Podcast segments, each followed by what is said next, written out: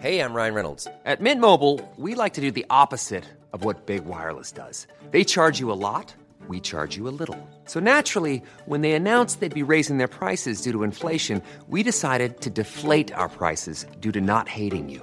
That's right. We're cutting the price of Mint Unlimited from $30 a month to just $15 a month. Give it a try at mintmobile.com slash switch. $45 upfront for three months plus taxes and fees. Promo rate for new customers for limited time. Unlimited more than 40 gigabytes per month. Slows. Full terms at mintmobile.com. Hi, I'm Daniel, founder of Pretty Litter. Cats and cat owners deserve better than any old-fashioned litter. That's why I teamed up with scientists and veterinarians to create Pretty Litter. Its innovative crystal formula has superior odor control and weighs up to 80% less than clay litter. Pretty Litter even monitors health by changing colors to help detect early signs of potential illness. It's the world's smartest kitty litter. Go to prettylitter.com and use code ACAST for 20% off your first order and a free cat toy. Terms and conditions apply. See site for details. Podplay.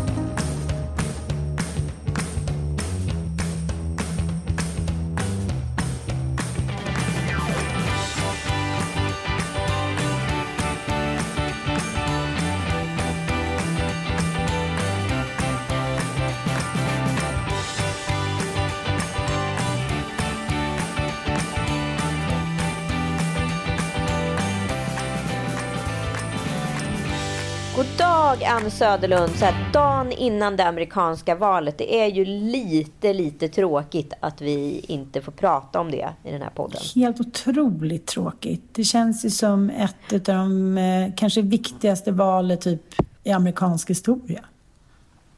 Ja, det kände man i och för sig förra gången också. Men just den här gången känns det ju så. Fyra år kan man förstöra ganska mycket på. Åtta år kan man förändra en hel epok. Mm. Tror jag det var någon president som sa för några decennier sedan. Nu tänkte jag kolla med dig eh, hur det står till med Matthew Broderick. Det är mycket bra med honom. Han sitter ute i vardagsrummet och eh, härjar på. Eh, Han jobbar Och det är hemifrån. många av våra lyssnare som undrar vem Matthew Broderick är. För jag hade ju en liten eh, quiz med Ann Söderlunds smeknamnsnamn förra veckan. Så jag tänkte att jag läser upp den här listan för dig så får du helt enkelt säga vem det är vi pratar om. Okej, Pullerulli. Mm, för det är nämligen ingen som har haft alla rätt. Och då finns det väl bara en som kan ha det. Det var ju inte jättelätt faktiskt. Nej, det var inte, mening, det var inte meningen heller. Matthew Broderick, vem är han? Matthew Broderick är alltså Mattias Johansson, min man. Det har ingenting att göra med, vissa har ju trott att det har någonting att göra med att, att, han ska vara, att de här som jag refererar till ska vara lika de här personerna som jag kallar för. Men det har ingenting att göra med, Mattias är ju inte dugg lik Matthew Broderick utan det är någonting som bara ligger bra i min mun. Ja, Och Frans Schartau, Vad kallades han mer? Du sa, att, du sa precis att han kallas för någonting mer. Preben kallas han för när, när han har lite längre hår. Känns mer fri och dansk. Frans Schartau då? Frans Schartau.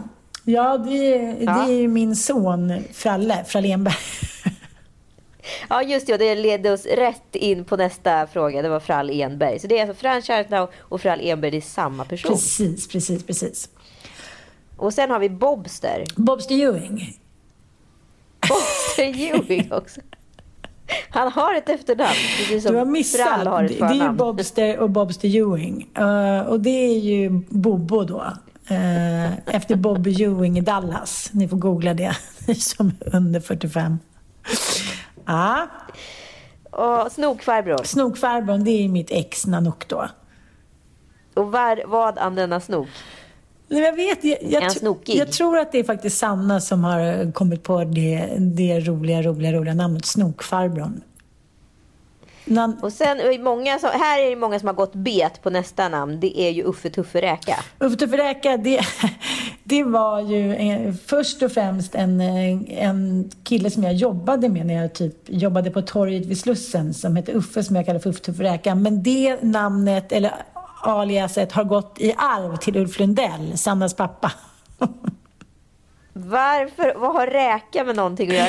Vad är en tuff räka? Nej, det, låter, det, det ligger så bra i munnen, precis som att istället för att jag säger Micke Micke Persbrandt så säger jag Michael Svensson. Och det är ju en tv-producent eh, på Mexiko. För att jag tycker att det låter bra bara. Michael Svensson. Det har liksom ingenting egentligen... Till Micke Persbrandt? Jag förstår ingenting. Det här Nej, är men så När förvirrande. jag och Sanna pratar om Micke, då kallar jag honom för Michael Svensson. Okej. Jag tycker att det känns bra med alias. Det är bara, så det, allt handlar då egentligen om dina känslor igen Ja. och vad du känner. Ja. Ja. Det är som vanligt. Aha, och minimyggan, vem är det? Minimyggan, det är ju du. Ja, det är ju jag. Det är ju jag. Och det är pappa Köris. sen- Pappa Köris som har myntat minimyggan. Hur är det med minimyggan säger han Ja. ofta. Har du träffat minimyggan Ja. något? Hur är det med minimyggan? Jag tror att han tycker att du är liten och Ja, surrandes. Eh, alltså knott. Han har alltid hört talas om det. Minimygga. De facto. Hur är det med knottet? Eulalia. Lall. Vem är det ja, då? Det är du som har myntat för mig. Du tycker att jag är bortskämd? Nej, det är du som har myntat för dig. Jaha, okej då. Eller, Du pratar ju alltid om prinsessan Eulalia eller drottning Eulalia och då har ju det blivit du. För jag inser att du har ett, ett gäng kvinnor runt omkring dig som mer är dina hovdamer än vad de faktiskt är dina väninnor. ja, det, det är du som säger det älskling. Det är du som säger det. Ja. Ja, ja. Och sen så vad är det nu berömda årtalet som alltid förekommer i alla sammanhang? 1833, men det var väl någon som kunde. Det var en som kunde det. Ja, det var, tycker jag inte. Det var dåligt. Det är det enda uttrycket årtal vi använder. Det är då allt har hänt i vårt liv, under året 1830. Ja, det är året, året då allt startade. Precis, året då allt hände. Mm. Vi har en liten här, härlig agenda idag. Ska du ta och dra den?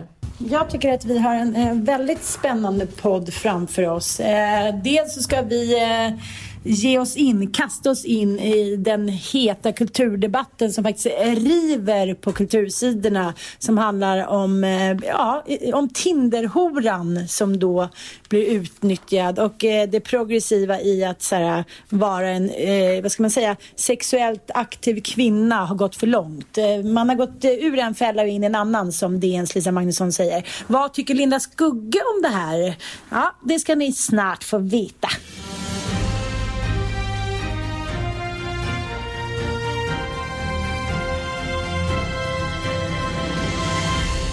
Det har ju pågått eh, liksom, eh, med olika uttryck eh, i flera månader. Först började det med att Jenny Jägerfeld som är då författare och terapeut eh, skrev om sina kompisar, eller en specifik kompis som hade blivit ghostad flera gånger att, eh, av en kille då. Att så här, ja, men när man tyckte man träffats typ sju gånger och dejtat och tänker så här, inte för att man är superkär men tänker att man kanske ska gå lite djupare i eh, relationen så försvinner den andra parten lite som ett spöke och hör inte av sig mer och man förstår inte vad man har gjort för fel.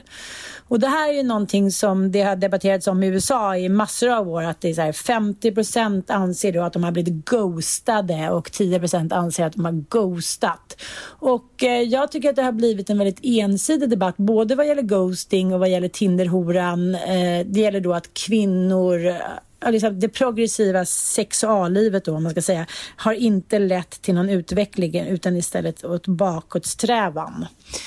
Eh, jag vet inte, jag håller inte med. Det är lite som vi pratade om i förra podden att eh, precis som att män är olika är kvinnor olika. Eh, precis som att män också, vissa kan hantera att ha ett liksom, utåtsvävande sexliv och ta för sig och vissa kvinnor kan det. Och andra kanske liksom inte mår så bra av Tinder-dejtande eller att bli övergivna eller att ha det knapplösa knullet. Men eh, ja, Nej, men det här är ju jättespännande. Jag har ju också ghostat när jag var ute på Tinder. Det var liksom någon kille som var jätteförtjust i mig och jag bara disappeared, kind of. Ja men vadå, som att inte liksom, som att inte... Nej, jag tycker det är så konstigt att göra det till en könsfråga. Jag tycker det är jättesnedställt, hela den diskussionen. Att det bara är män och kvinnor alltid i denna föroffring, föroffringsposition. Vi är tillbaka liksom i så här gammal könsmaktsstruktur. Plus att så här, kvinnor ska sitta på kammaren och vänta på att männen ska behaga och höra av sig och de sitter där och åh nej nu försvann han. Då blev jag en panelhöna igen. Ja, nej, jag. Precis, för att, för att om man ska se rent historiskt då så är det ju faktiskt så att vi kvinnor har fått sitta och vänta på att männen eh, ska liksom eh, bli intresserade av oss. Jag, menar, jag tänker hur min mamma och pappa träffades då att då hade man ju fortfarande damernas i Folkets park att tre danser, det här var ju 68 va? Att 69. Ja, varannan damernas Nej, det var inte ens varannan damernas. Det var tre, tre danser under kvällen där då damerna fick eh, bjuda upp. Sen fick de ju sitta som de panelhönor de var. Och eh, det var väl inte jättekul. Men, men pappa bjöd ju upp eh, mammas kompis Gunilla. Men hon hade ju brutit benet så då tog han ju då second best. Eh, nej, mm. nej, men jag tycker att det framstår lite som igen att vi kastas tillbaka till att det finns, antingen får man vara som du säger antingen är man horan eller också så får man sitta hemma och gå tillbaka till spisen och eh, den debatten som också minirasar att vi kvinnor då tycker att det är så mysigt att vara liksom amish. Eh, att vi har gått tillbaka till det, att vi har liksom ja, härbärgerat oss och käkat. Men jag, jag, jag, jag får liksom inte ihop det. Liksom. Dels har vi metoo mm. och sen så har vi liksom den kvinnliga frigörelsen, revolutionen, alltihopa i ett och där vi hela tiden uppmanar kvinnor via olika medier och texter och eh, samtal att ta för sig och våga. Mm. Och sen då när eh, tjejer då blir ghostade så är det liksom återigen tillbaka till någon gammal kvinnonorm och struktur som man känner att så här, det här är vi bekväma och trygga i och när vi vill dra på oss offerkoftan då är det ganska lätt att göra det här. Jo, och jag menar den här ärbarheten för kvinnor som liksom många fortfarande föreskriver. Är det inte också som en generationsgrej? Jag kan tycka sen när jag varit ute och dejtat 70-talister och 60-talister och liksom neråt i åldrarna 40-talister liknande. Ja, det är fortfarande gamla syn på att kvinnan ska vara ärbar och man är en hora och man har legat med för många killar. Den klassiska så här, skolgårdsmentaliteten som vi själva uppväxte i. Men jag uppfattar inte att liksom 80 och 90 90 och 00-talister är så. Nej, inte alls på samma sätt. Men sen finns det ju så här.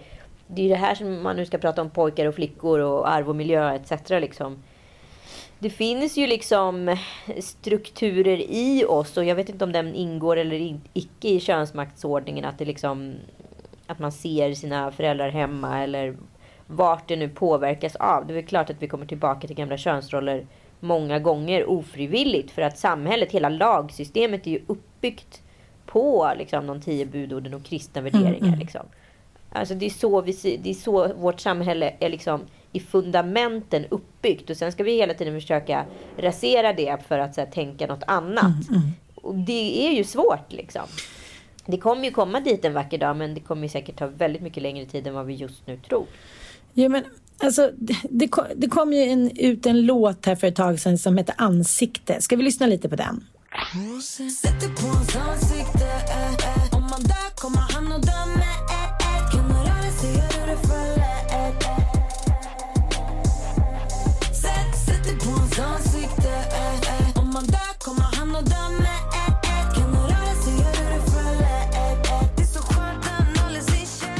Daniela Rathana kom ju ut med eh, eh, låten Ansikte som handlar om att alla tjejer borde bara sätta sig på killens ansikte. Eh, en sorts frigörelseprocess. Eh, och, eh, det vill, och, sen, och nu här i dagarna så har Ariana Grande också kommit ut med eh, en ny skiva där hon verkligen ä, liksom äger sin, sexuella, sin sexualitet och känner sig otroligt så här, jämställd och tar för sig och känner sig inte utnyttjad och eh, känner inte att det, liksom, hon har hamnat i någon våld eller maktmissbruk eller övergrepp. Hon äger helt sin egen sexualitet.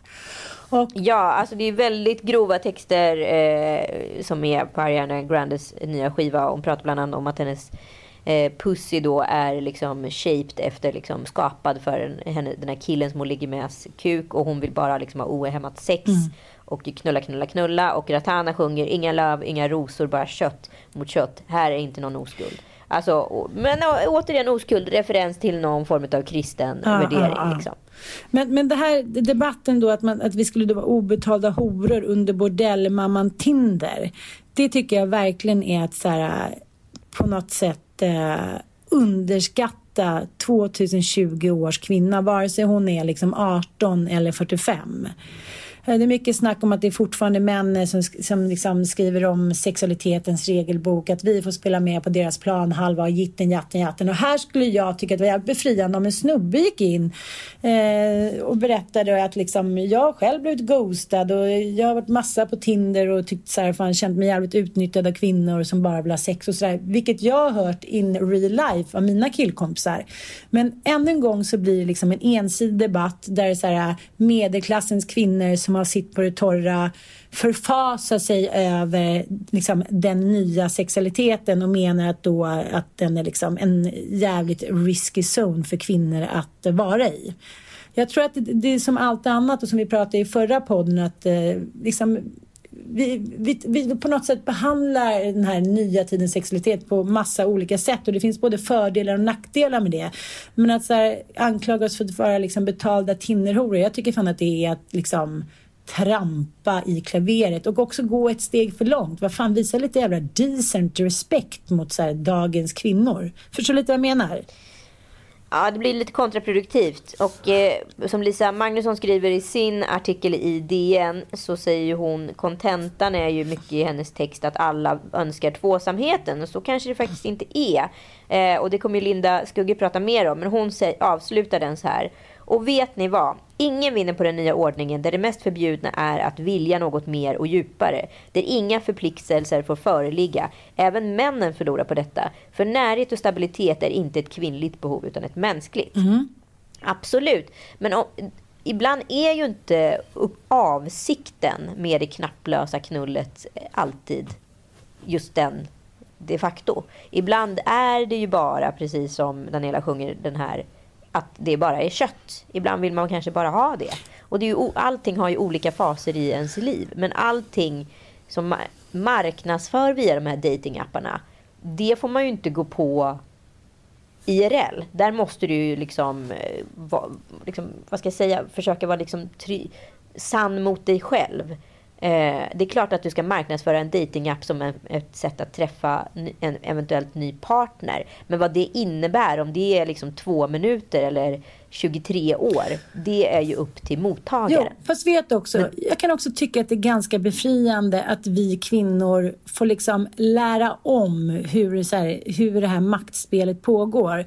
För att om jag säger själv, och jag kan både ta mig själv och många eh, utav mina kompisar, så finns det ju ett uttryck, så här, det finns ju en bok som kom på 80 som heter Kvinnor som älskar för mycket som handlar om att så här, kvinnor måste älska de här männen så jävla mycket för att stå ut med dem. Eh, för att de har så mycket tillkortakommanden. Ja. Och eh, om, om, vi återgår till det här med ghosting då, så är det så här, i och med att, vad ska man säga, att man möts liksom på nätet online, så skrivs ju såklart känslokartan om. Det vet du själv. När man börjar kunna smsa killar yes. så här, äh, jag vill inte träffas, jag tycker inte det här känns bra, typ. Istället för att man skulle sitta där vid, vid sjön Hägen eller på en parkbänk på Söder och titta någon in i ögonen och liksom stamma fram så här, jag vet inte om eh, det är inte du, det är jag. Nu är ju både liksom knullet och kärleken och avslutet ett klick bort. Förstår du lite vad jag menar? Och då säger så här, men varför väljer då så många den här så kallade ghostingen att bara avsluta istället för en öppen och ärlig konversation?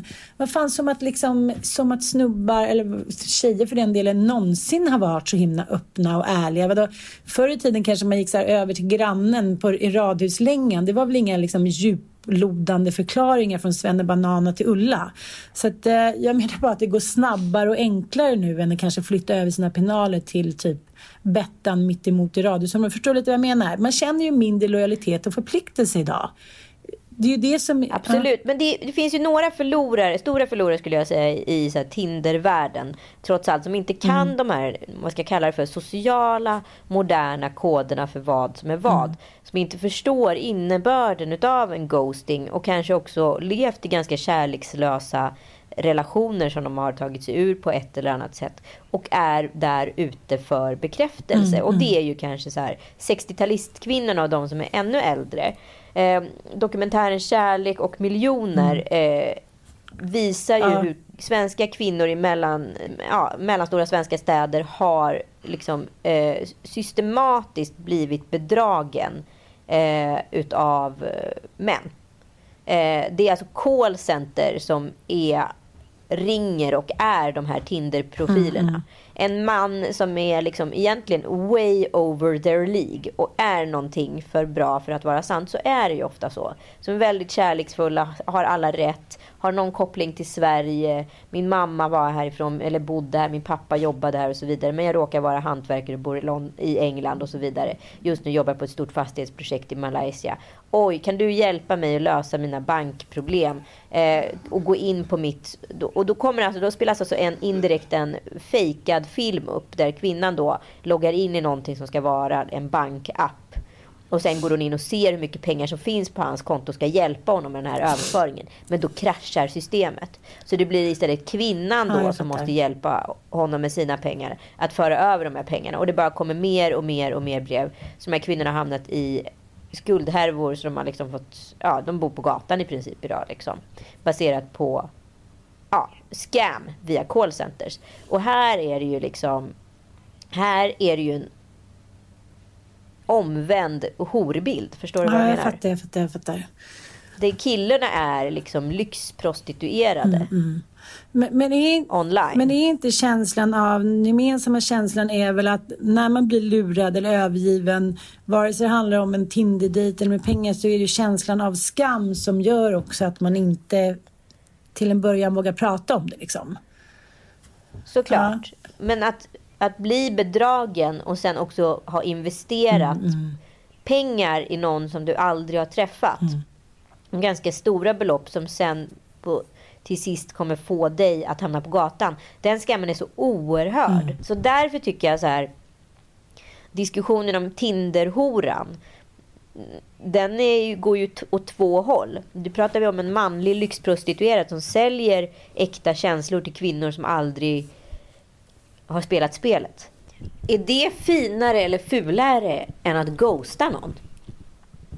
Som en kille gör med helt uppriktiga intentioner. De här tjejerna blir också ghostade, men de blir ju ghostade med en, en jävla liksom skuld ekonomisk skuld. Jag tycker att det är såklart vettigt att den här debatten pågår. För att jag, jag tycker att det handlar så mycket om äpple och päron. Man kan inte jämföra, liksom du säger, en solovårad kvinna medelåldern eh, med en eh, karriärstark, självständig, sexuellt frigjord och medveten kvinna i 35-årsåldern kan inte heller jämföras med en tjej som är 14 år som har blivit utnyttjad av en kille som är 16 som har sett någon liksom porn movie med några sadistiska inslag som han gärna vill testa lite.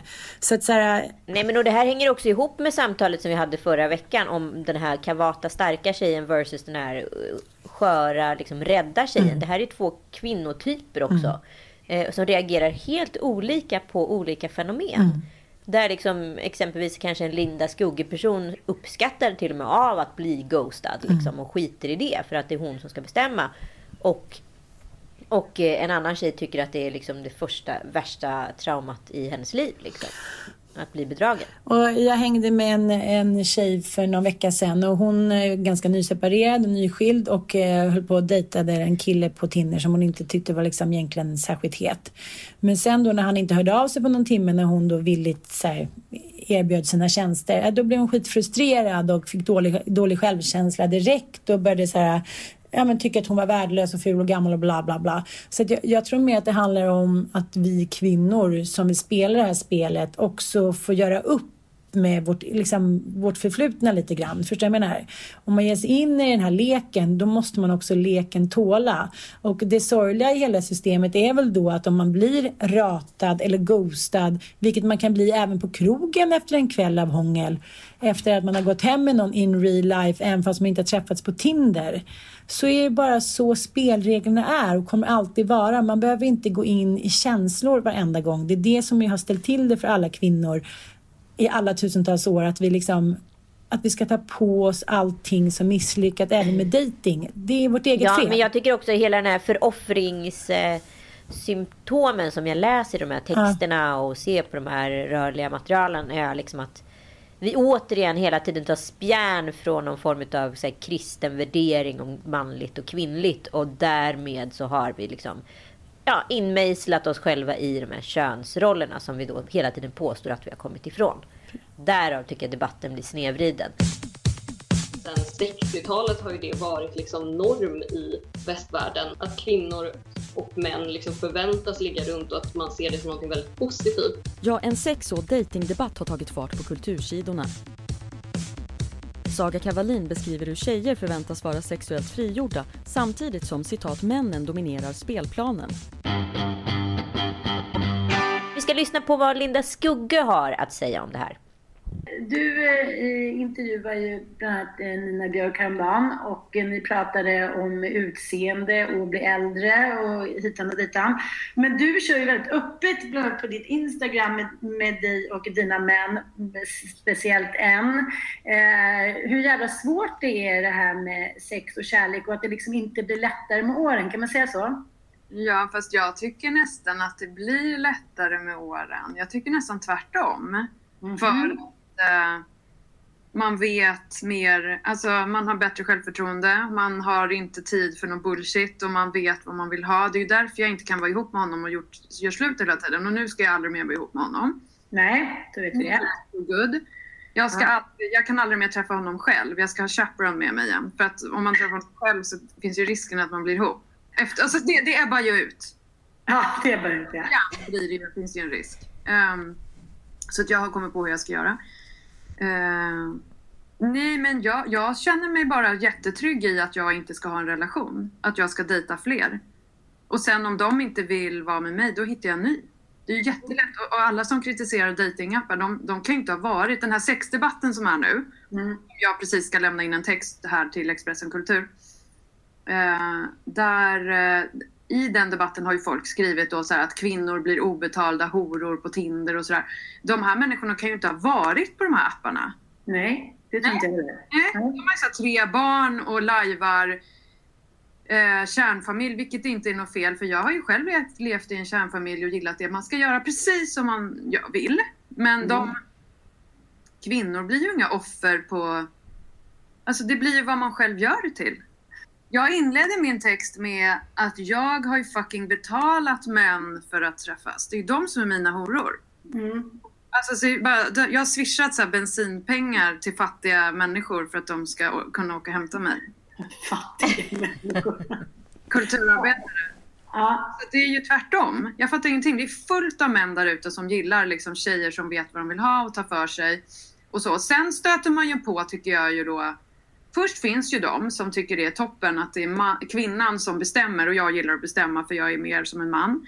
Jag är helt ointresserad att någon ska Jag klarar inte av att någon bestämmer över mig. Då får jag panik. Jag, jag, eh, jag måste bestämma allting, annars är jag själv, hellre själv. Men eh, eh sen, först finns ju sådana män. Det går alltid att hitta väl, på väldigt kort tid någon man som gillar det, en stark kvinna. Men sen är det ju många som fegar ur. Du vet det här att man säger, vi är uppfostrade med att män gillar sex och var, hela tiden och jämt. Och det stämmer ju inte. Det kanske har med åldern att göra för de kan inte få upp den. De kan inte prestera efter ett tag och jag är inte jätteinne på att träffa 28-åringar. Det känns viktigt, men jag tycker liksom att en 55-åring kan vara het. Liksom. Jag tycker inte... Eller så får, jag vet inte. Jag, för att, men jag märker, först ska de vara så jävla heta och vara så här föreslår massa spännande grejer eller gå med på spännande saker och sen samma dag ställer de in.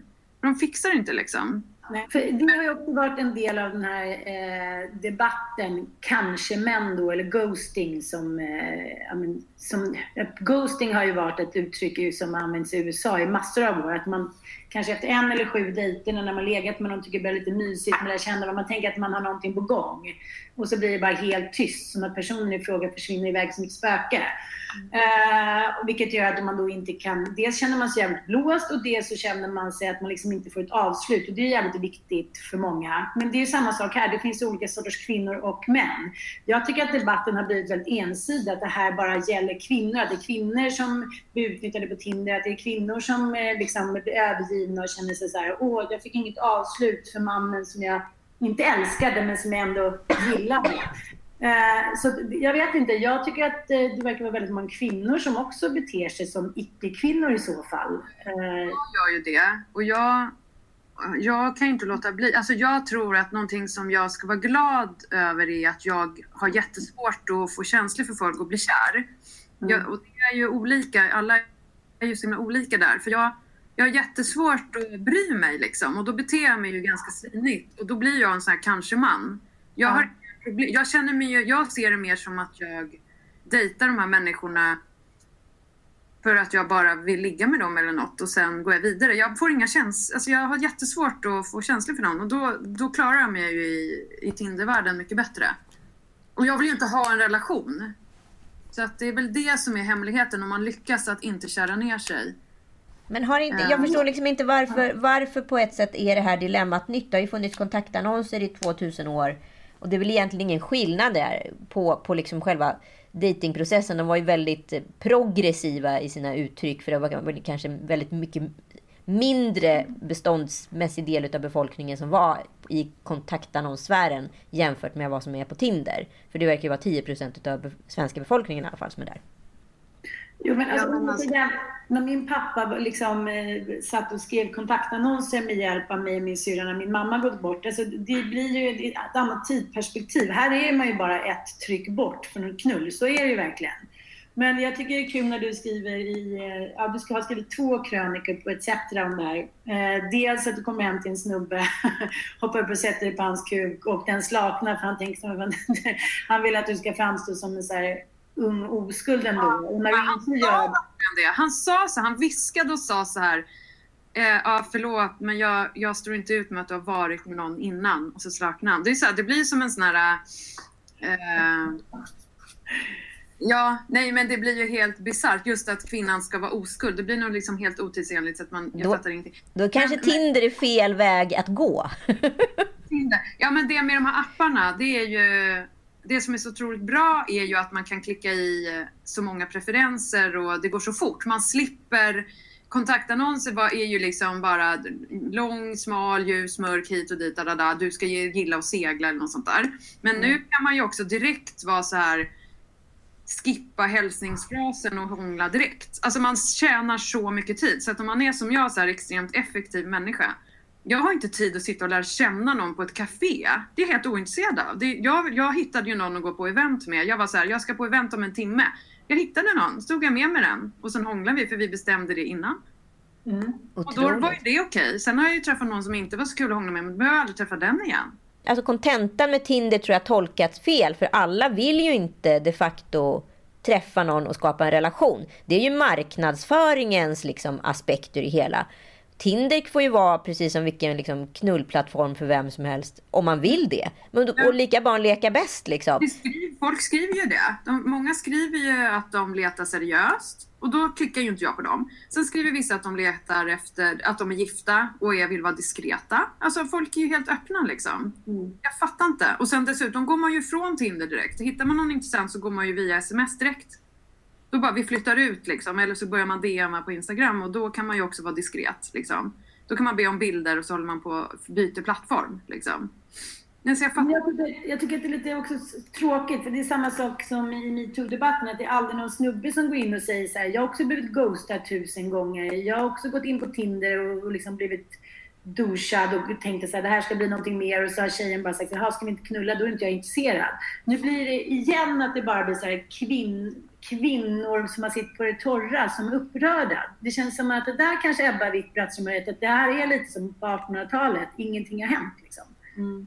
Men så är det ju alltid i och för sig att vi kvinnor håller på, det är som hela feministfrågan också att vi håller på och pratar om männen och deras känsloliv. Du vet varför ja. feminism är bra för män och så sitter de där och, och eh, pillar sig i naveln. Men så kommer det väl alltid vara. Men jag skiter faktiskt i vilket. Jag tänker bara att jag vill göra det jag vill och sen skiter jag fullständigt i... Alltså jag tycker alla gör det de ska göra. Jag fattar inte debatten. Så det, är min, det går min text ut på. Det är en icke-debatt. Ja, jag förstår inte vad de pratar om. Och sen, eh, jag förstår inte problemet och sen går det ut på att man blir absolut ingen obetald hora. Utan männen är ju, kan ju bli ens horor. Det är ju fullt av folk som kan vara mina små horor där ute. Så då är alla obetalda horor? Nej men alltså det är ju verkligen inte så att jag är någon obetald hora för de här männen utan det är ju verkligen typ tvärtom. För jag går ju bara på sådana som vill vara underlägsna mig liksom. Det tycker jag är det enda intressanta. Annars, jag vill ha dem som lyder. Jag vill ha någon man som lyder mig liksom. Oh, herregud. Tack snälla Linda för att du var med. Jag tycker det var skitroligt och nyanserat och ett ännu ett friskt perspektiv. Slutord. Jag, bara, jag vill ha en man som lyder, annars får det vara. Exakt. Ja, jättebra. Ja. Där sätter vi stopp för debatten. Ja, gå in och läs Lindas text som kommer... Någon dag framöver. Ja. Tack snälla.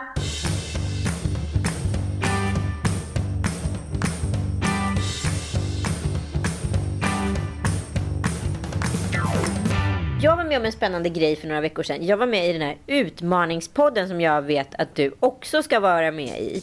Välkomna kära lyssnare till det andra avsnittet av Utmaningspodden.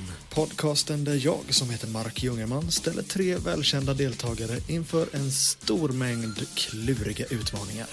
Alltså man går ju alltså in i olika karaktärer och får olika uppgifter skickade till sig under programmets gång som man då inte ska avslöja för sina medspelare eller vad jag ska kalla det för. Och uppgiften är då helt enkelt att försöka lista ut vad den andra personen har fått för uppgift eller uppdrag. Och nu tänkte jag att eftersom jag ändå har Joel här hemma som jobbar också på distans. Eh, får helt enkelt skicka eh, oss varsina uppdrag som inte jag vet om att du har fått eller jag har fått.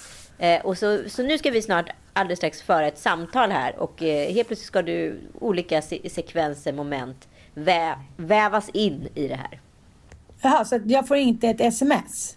Du kommer få två sms från Joel och jag kommer också få två sms från Joel. Ah, och de här okay. smsen ska liksom feedas in, alltså uppgifterna i dem ska liksom feedas in i vårt samtal.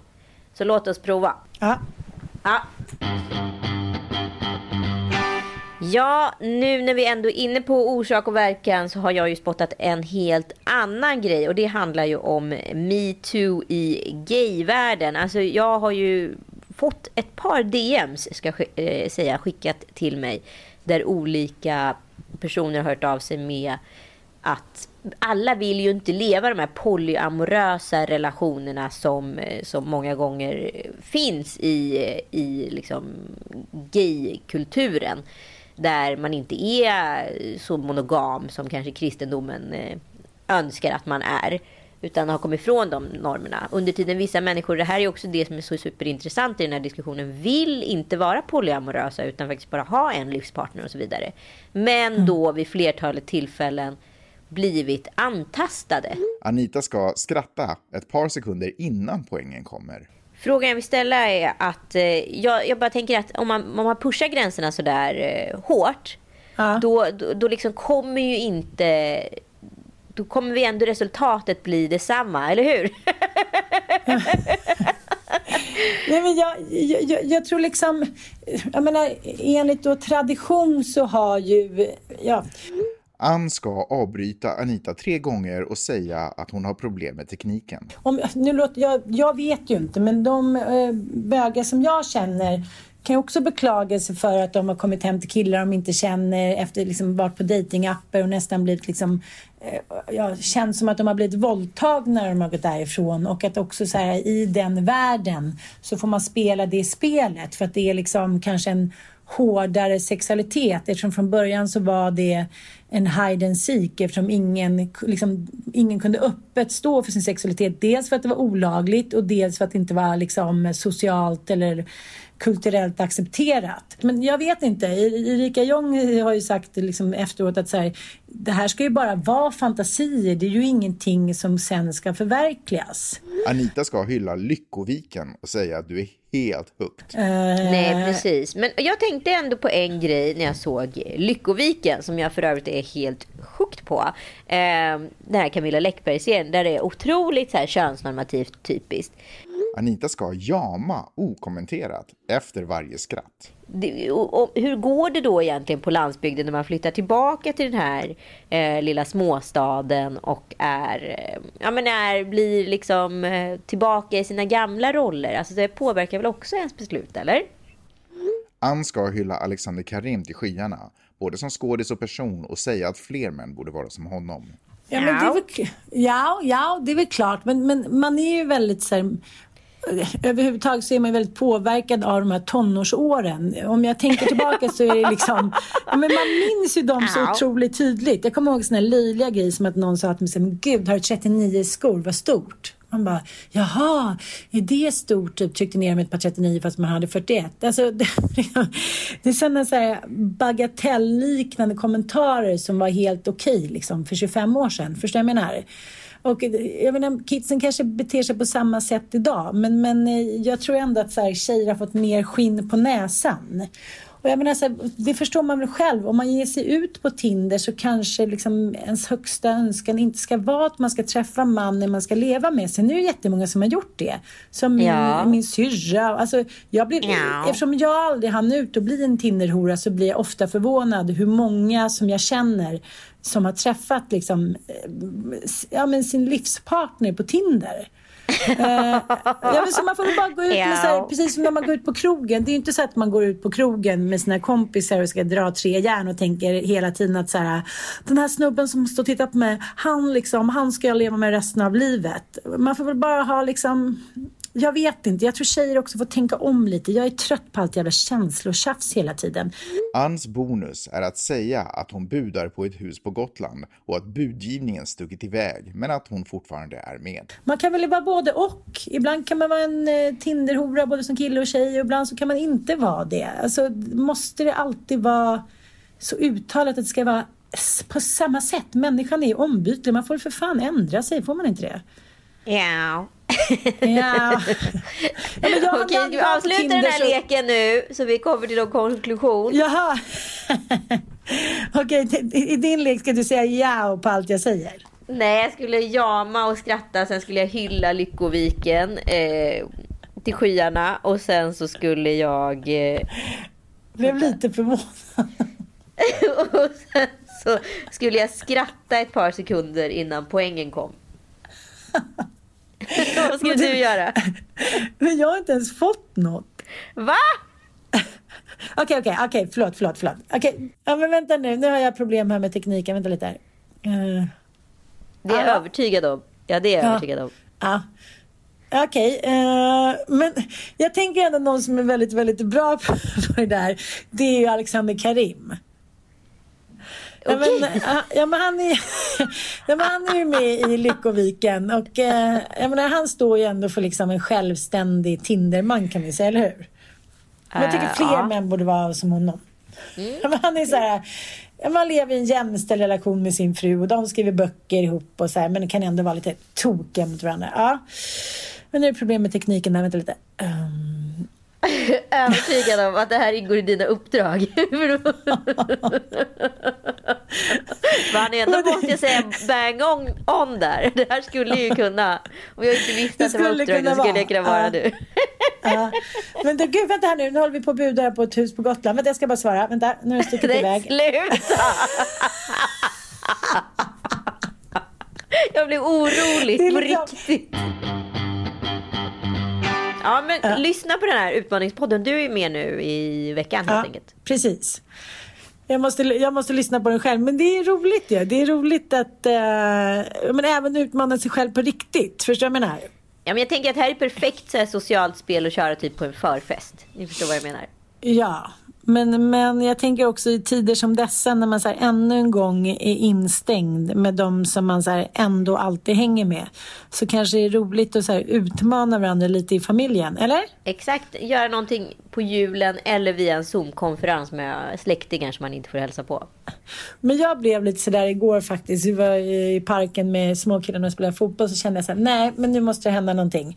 Nu måste vi såhär, nu kan vi inte bara självdöda hemma i liksom coronaland. Så då bestämde vi att eh, varannan vecka ska den andra överraska den ene med någonting liksom lite spännande. Och det behöver verkligen inte vara så här en weekend i typ Prag eftersom man ändå inte får resa någonstans. Men eh, någonting lite härligt som gör att relationen blir liksom tillfälligt lite hetare.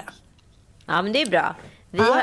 2020 hade ju vi som nyårslöfte skulle bli mitt år Joels kulturår. Vi skulle utsätta oss för kulturella upplevelser vi inte vanligtvis skulle så prioritera. Mm. Eh, det har ju gått sådär med, med föreställningar etc. under pandemin. Så att... Eh, Se Joel i snigelbyxorna har ju varit bra. Det har varit ett kulturår som hovnarsbrallan. Den var. Nej, men, men jag tänker också att alla människor som har lite jobbigt kanske, ja, men som ja, med psykisk ohälsa eller ligger lite på gränsen. De, det kommer ju nu börja rulla över. Den slaka linjen kommer ju så här, äh, gå av känns det som. Eh, man, ja, alltså framförallt så det, det, man inte hade sett eh, tidigare. Man tänkte väl att kanske unga personer då som kommer vara psykiska ohälsa kommer eskalera. Men så har det inte varit. Utan det har ju snarare varit de som har blivit av med en livspartner i corona. Och sen gått in i en djup depression för att den inte ett får bli berörd. Två får vad heter det, träffa någon av sina nära och kära. Alltså att den äldre ålderskategorin som också kommer ur en tillfrisknande av en lång coronasjukdom ink rehab på liksom 90 dagar. Där finns det också mycket att fånga upp. Nu är vi ju där. Jag var på en halloweenfest för ett tag sedan och då var en av kvinnorna som var där sjuksköterska. hon sa det har ju varit mycket, liksom, eh, mycket väsen för ingenting. Så här, mycket rök och sen blev det ingen eld. Hon menar de här, liksom, de här månaderna så här, alla, vad ska man säga, alla som har eh, haft nära och kära på ålderdomshem och sjukhus och liknande har varit så himla upprörda att de inte får träffa sina föräldrar och sina farföräldrar hit och dit. Och så sa han, men nu när man får det, tror du att det, tror att det är någon som kommer hälsa på då? Nej, Nej, det ekar lika tomt som det gjorde innan. Så att, eh, det har varit, tror jag, ett ganska snyggt sätt för människor att också bli fria från skuld. Att ja, ja, eh, visa engagemang. Så här, vi skulle ha gjort det om det hade gått, men den går det inte. Jag tyckte det var så otroligt sorgligt. Hon sa det också på ett sätt så här, men nu är det liksom ekar det tommare än någonsin. Det är väl ingen som hälsar på även fast man får. Ja, och med de iskalla orden avslutar vi den här veckans podd. Vi hörs om en vecka och testa utmaningar på varandra där hemma. Det är väldigt roligt. Men gud, nu ser jag här att jag har dragit iväg huset på Gotland. Alltså jag, dra... jag dänger upp en miljon. Puss och kram. Puss, puss. Tyck till om oss. Hej då.